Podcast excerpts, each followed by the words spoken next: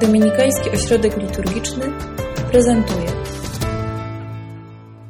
Sobota pierwszego tygodnia Adwentu. Tajemnice Różańca Świętego nie są do tego, żeby je rozgryźć. Nie są jak zagadki, czy nie są jak problemy, które można rozwiązać. Żeby poznać tajemnicę, musimy być jakoś oświeceni. Ktoś musi przed nami tę tajemnicę odsłonić. Tajemnice Różańca Świętego są przede wszystkim po to, żeby je rozważać, to znaczy, żeby w nich przebywać. I dzisiaj dostajemy piątą tajemnicę radosną odnalezienie Pana Jezusa w świątyni. I spróbujmy znaleźć się wewnątrz tego wydarzenia. Wyobraźmy wręcz sobie, że jesteśmy pośród tych doktorów i uczonych w piśmie, pośród których zasiada Chrystus, jako mały dwunastoletni chłopiec i zadaje im pytania. I co wówczas widzimy? Widzimy, że Jezus jest dzieckiem niezwyczajnym, niezwykłym. Bo pewnie każdy z nas jakoś pamięta, jak próbował jako dziecko uczestniczyć w świecie dorosłych. Ja mam trzech, przepraszam, dwóch braci. Jest bardzo wcześnie. Mam dwóch braci. Jestem tego pewien. I razem z nimi y, często jako dzieci próbowaliśmy do tego świata dorosłych dorosnąć nieco szybciej niż to by biologia na to pozwoliła. I jakie były nasze sposoby? No takie, że przebywaliśmy na przykład na terytorium zakazanym, to znaczy w gabinecie naszego taty, w którym oczywiście wszelkie zabawy były najfajniejsze, bo wtedy byliśmy w tym świecie dorosłych. Pamiętam, że ubieraliśmy krawaty naszego ojca po to, żeby jakoś go naśladować, jakoś uczestniczyć w tym, co należy do niego. Mój ojciec jest fizykiem teoretycznym, więc cała taka magia wzorów fizycznych z różnego rodzaju symbolami na tyle mnie wciągnęła, że jako, jako chłopiec zacząłem je sobie przepisywać, bo to był jakiś taki język dla wtajemniczonych, dla tych dorosłych. I kiedy jakoś siedziałem w tym gabinecie mojego ojca i te księgi zakazane przepisywałem, których zupełnie nie miałem szans ani zrozumieć, dziś ich nie rozumiem, to, to wówczas było to poczucie, że jesteśmy, czy ja wówczas byłem, jakoś tym, co należy do mojego ojca. Ale to, co się dzieje w świątyni, nie przypomina czegoś takiego, ponieważ Chrystus, gdy przychodzą do niego jego rodzice, Józef i Maryja, nie reaguje jak dziecko przyłapane na zabawie. On nie reaguje zawstydzeniem. Wręcz przeciwnie, zadaje im jedno z tych pytań, które wcześniej zadawał doktorom. Zadaje im pytanie, dlaczegoście mnie szukali? Czy nie wiedzieliście, że muszę przebywać w tym, co należy do mojego Ojca? Gdy byłem niewiele starszy od Pana Jezusa z tego wydarzenia, to pamiętam takie spotkanie w gronie ode mnie starszych osób, kiedy właśnie w, jakimś, jakiejś salce parafialnej e, czytaliśmy Pismo Święte. I wtedy to był taki dla mnie zdumiewający moment, kiedy odkryłem, że faktycznie jestem synem swojego taty. Mianowicie dlatego, że kiedy czytaliśmy tą, tą Ewangelię czy fragment Pisma Świętego, jaki on był, nie pamiętam, ale pamiętam, że wtedy zrozumiałem, że faktycznie argumentacja, której używam, zrozumienie tekstu, które jakoś tam czasem do mnie dociera, czy gorliwość, jaka, jaka mnie wtedy pali, to jest coś, co kiedy, widziałem wielokrotnie u mojego ojca. Ale i to jest takie dosyć marne przybliżenie do tego, co się działo w świątyni.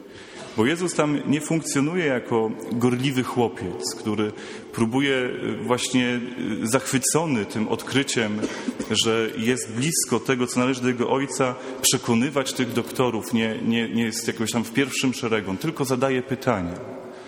Nie zachowuje się jak dziecko, zachowuje się jak dorosły nauczyciel, również wobec swoich rodziców. Zadaje im pytanie, które nie tyle jego tłumaczy, nie tłumaczy jego zachowania, co raczej ich stawia w tej sytuacji, w samym centrum tej sytuacji, tak żeby oni zrozumieli, co się w nich wydarzyło. Dlaczegoście mnie szukali? W takim razie spójrzmy na Maryję, która w tym adwencie jest naszą przewodniczką. Ona z bólem serca szukała Jezusa, jak o tym mówi. Ale przecież nie przez to, że szukała go z bólem serca, ta tajemnica w jej różańcu znalazła się w części radosnej. W radosnej części znalazła się dlatego, że ona go odnalazła. I to doświadczenie ulgi, doświadczenie właśnie zwieńczenia tego szukania jest tym, co jest bliskie radości, czy to z narodzenia Pana Jezusa, czy bliskie radości rozmowy z Elżbietą i pozostałych tajemnic. Pamiętam, jak e, już tutaj w Krakowie byłem odpowiedzialny za taki program, który się dział e, pomiędzy Amerykanami, Polakami i studentami z Europy Środkowo-Wschodniej. I byłem odpowiedzialny za jego organizację. I zanim to wszystko się zaczęło, jak, przyjeżdża, jak przyjechali profesorowie ze Stanów Zjednoczonych, to pogubiono im bagaż na lotnisku, czy gdzieś tam pomiędzy Amsterdamem, Amsterdamem a Krakowem. E, pamiętam, że chociaż była to impreza stricte religijna, to akurat podczas rekrutacji e, przyjęto dwóch ateistów i jeden z tego był z Czech. E, budżet, który był całkiem spory, już na samym początku mi się nie zgadzał, a jak się nie zgadza spory budżet, to i błędy w nim są spore.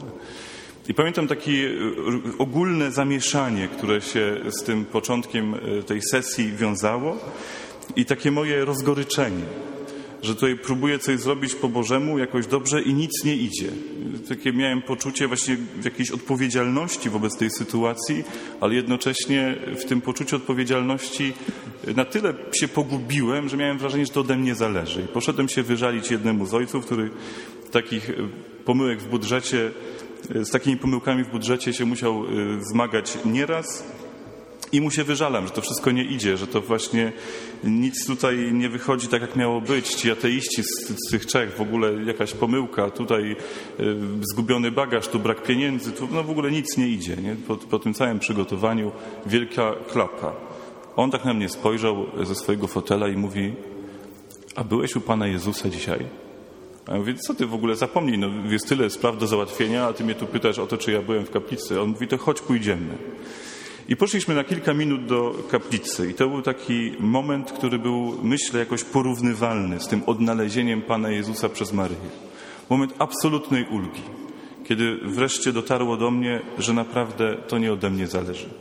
Mogę robić ile mi się uda i jak mi się uda, natomiast cała ta rzeczywistość, w której się poruszam, całe te moje problemy i tak dalej, mają kogoś o wiele wyższego, żeby się nimi zatroszczył kogoś, kto siedzi wyżej i więcej widzi, a mianowicie Pana Boga. I to przywrócenie y, właściwej perspektywy w momencie, kiedy poszliśmy wspólnie do y, Chrystusa w kaplicy, to było, myślę, coś podobnego, co wydarzyło się wtedy w świątyni dla Maryi. Odnalezienie właściwej perspektywy. To naprawdę Jezus przebywa w tym, co należy do Ojca. Jeśli przebywa w tym, co należy do Jego Ojca, to znaczy, że nie mamy o co się bać.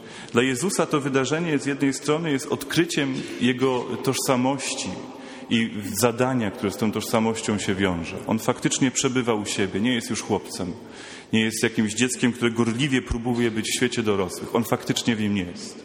I do, do tego stopnia, że ten świat dorosłych tym dorosłym tłumaczy.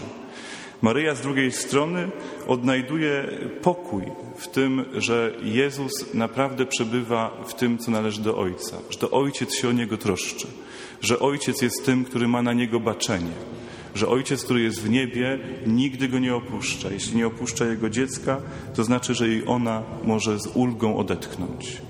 I myślę, że są to dwie takie rzeczy, które powinniśmy sobie uświadomić dzisiaj. Dwie rzeczy, które możemy spróbować przeżyć dzisiaj, żeby zanurzyć się w tą tajemnicę. Po pierwsze, możemy sobie uświadomić, że Pan Bóg naprawdę dba o to, co się z nami dzieje. Nigdy nas z ręki nie wypuścił.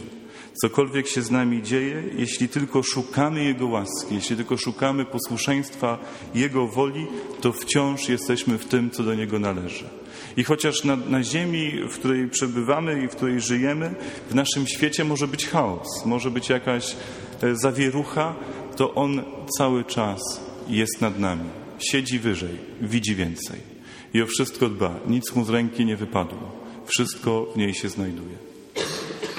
I z drugiej strony możemy wreszcie w tym właśnie zabieganiu znaleźć chwilę na to, żeby się zatrzymać, odmawiając tą tajemnicę w ciszy.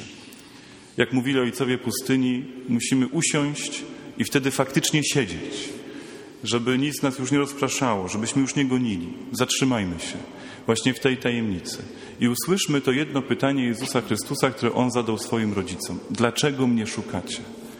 Jaka jest motywacja waszego szukania mnie?